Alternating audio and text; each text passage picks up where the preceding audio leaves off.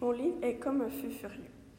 Premièrement, le livre Comme un feu furieux a été écrit par Marie Chartres et la photographie de couverture a été prise par Elena Ernichova. C'est un livre de genre vraisemblable. Le résumé de l'histoire est que c'est l'histoire de Gaila Bolotine qui habite tout au nord de la Sibérie, au bord de l'Arctique. C'est un village nommé Tixi. La moitié des habitants sont partis.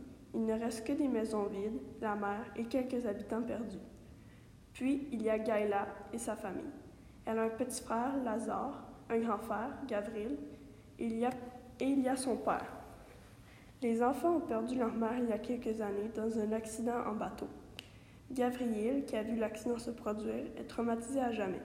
Gaïla, elle, rêve encore au jour où elle va quitter Tixi pour enfin réaliser ses rêves.